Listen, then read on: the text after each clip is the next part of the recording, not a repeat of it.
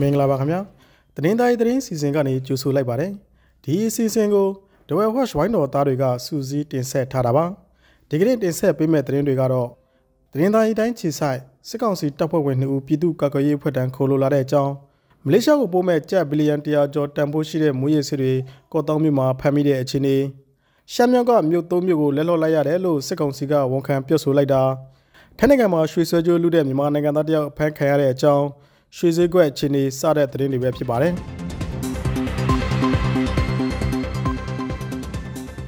သတင်းသားရေးခြေဆိုင်စစ်ကောင်စီတပ်ဖွဲ့ဝင်2ဦးပြည်သူ့ကာကွယ်ရေးဖွဲ့စည်းခိုးလုံလာပါတယ်။အဲ့ဒီတပ်သား2ဦးဟာမြစ်ခရိုင်သတင်းသားရေးမြို့နယ်ညောင်ပေကွင်းရွာခြေဆိုင်916တပ်ရင်းကနေထွက်ပြေးလာတာလို့ပြည်သူ့ကာကွယ်ရေးအဖွဲ့ကသတင်းထုတ်ပြန်ပါတယ်။ထွက်ပြေးလာသူတွေကတော့တပ်သားထွန်လင်းပိုင်နဲ့ထက်မြက်သူတို့ဖြစ်တယ်လို့သတင်းသားရေးတိုက်ပြည်သူ့ကာကွယ်ရေးအဖွဲ့ကနိုဝင်ဘာလ1ရက်ထုတ်ပြန်ချက်မှာဖော်ပြထားပါတယ်။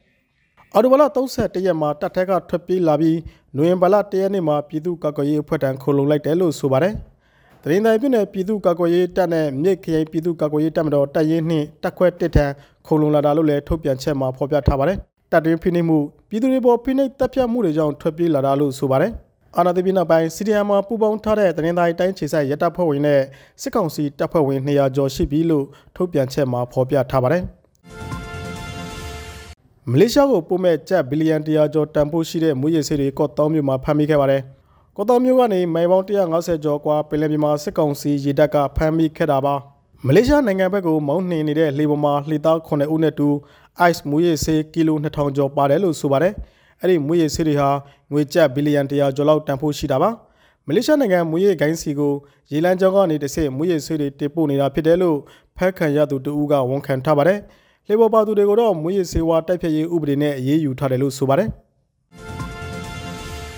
ရှမ်းမြောက်ကမြို့သုံးမြို့ကိုလက်လော့လိုက်ရတယ်လို့စစ်ကောင်စီကဝန်ခံပြောဆိုလိုက်ပါတယ်ရှမ်းပြည်နယ်မြောက်ပိုင်းတရုတ်နယ်စပ်ကိရှိတဲ့ချင်းရှိဟော်ဖောင်းဆိုင်ကျူကုတ်အဲ့ဒီမြို့သုံးမြို့ကိုလက်လော့လိုက်ရတာလို့စစ်ကောင်စီကဝန်ခံလိုက်တာပါစစ်ကောင်စီသတင်းထုတ်ပြန်ရေးအဖွဲ့ခေါင်းဆောင်ဘိုးချုပ်စောမင်းထောက်ကိုတိုင်ဝန်ခံပြောဆိုလိုက်တာဖြစ်ပါတယ်ရှက်ပြည်နယ်မြောက်ပိုင်းကမြို့အလုပ်ကိုတော်လှန်ရေးအဖွဲ့တွေရဲ့ထိချုံမှုအောက်ကျရောက်သွားပြီဆိုတာကတော့မဟုတ်ဘူးလို့ဗိုလ်ချုပ်ဇော်မင်းထောက်ကညင်းဆိုပါတယ်။ ရှမ်းမြောက်ဒေသကိုညီနောင်မဟာမိတ်သုံးဖွဲ့ဖြစ်တဲ့ MNDAA ကိုကန်တပ်မတော်တအောင်းတပ် TNLA ရခိုင်တပ် AA တို့ကပူးပေါင်းစစ်ဆင်ရေးလှုပ်ဆောင်နေတာပါတေတုညနှစ်ခွန်နာမီနဲ့အော်တိုဘာလ28ရက်ကစပြီးစစ်ဆင်ရေးလုပ်နေတာပါ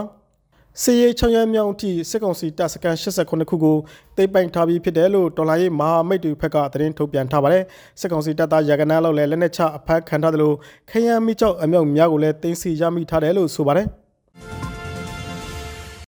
ထိုင်းနိုင်ငံမှာရွှေဆွဲကြိုးလူတဲ့မြန်မာနိုင်ငံသားတယောက်အဖမ်းခံရပါတယ်။ထိုင်းနိုင်ငံချင်းမိုင်မြို့ကထိုင်းမျိုးသမီးတယောက်စီကနေရွှေဆွဲကြိုးတစ်ခုကိုမြန်မာနိုင်ငံသားတဦးကလူယူခဲ့ပါတယ်။အော်တိုဘာလ29ရက်မှာဘတ်6000ခွဲလောက်တန်ကြေးရှိတဲ့အဲ့ဒီရွှေဆွဲကြိုးကိုလူယူခဲ့တာပါ။လူချိုရေးကင်မရာကနေတဆင့်ခြေရခံပြီးလူယူသူကိုထိုင်းရဲတပ်ဖွဲ့ကဖမ်းဆီးနိုင်ခဲ့ပါတယ်။ဆွေကြိုလူယူသူဟာအသက်20ရွယ်မြန်မာနိုင်ငံသားတဦးဖြစ်ပြီးသူ့ကိုအော်တိုဘာလ30ရက်မှာဖမ်းမိခဲ့တာပါ။ ဖမ်းဆီးခံရတဲ့မြန်မာနိုင်ငံသားကိုအများဆုံးဘတ်2သိန်းအထိဒဏ်ငွေပါဝင်ထောင်ဒဏ်တစ်နှစ်ကနေ9နှစ်အထိချမှတ်နိုင်တဲ့ပုံမှန်နဲ့ဆွဲချက်တင်ထားတယ်လို့ထိုင်းသတင်းတွေမှာဖော်ပြထားပါတယ်။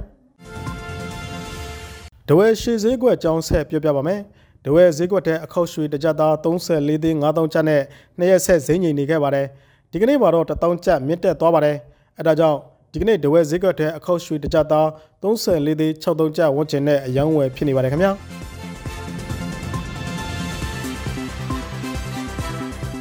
အခုလိုနားဆင်ပေးခဲ့တဲ့အတွက်ကျေးဇူးအထူးတင်ရှိပါတယ်မြန်မာနိုင်ငံသားများကပ်ဘေးအပေါင်းကနေအမြန်ဆုံးလွတ်မြောက်နိုင်ပါစေလို့ဒဝဲဟွာရှ်ဝိုင်းတော်သားများကဆုမွန်ကောင်းတောင်းအပ်ပါတယ်ခင်ဗျာ